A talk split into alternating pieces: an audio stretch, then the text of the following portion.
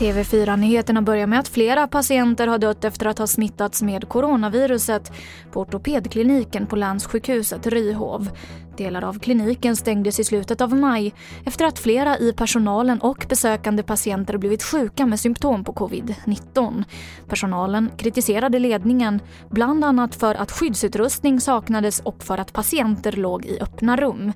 Chefsläkaren uppger att man just nu utreder situationen, något som ska leda till en lex Maria-anmälan. Slopandet av karensavdraget blir kvar året ut. Det här har regeringen, Centerpartiet och Liberalerna enats om. Den tillfälliga krisåtgärden har varit giltig sedan mars och infördes för att göra det ekonomiskt lättare att stanna hemma från jobbet vid minsta symptom på covid-19.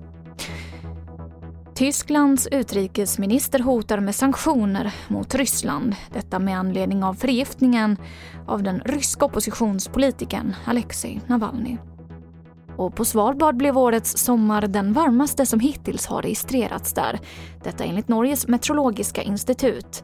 Varmast var det den 25 juli när termometern visade på plus 21,7 grader. Och det var det senaste från TV4 Nyheterna. Jag heter Emily Olsson.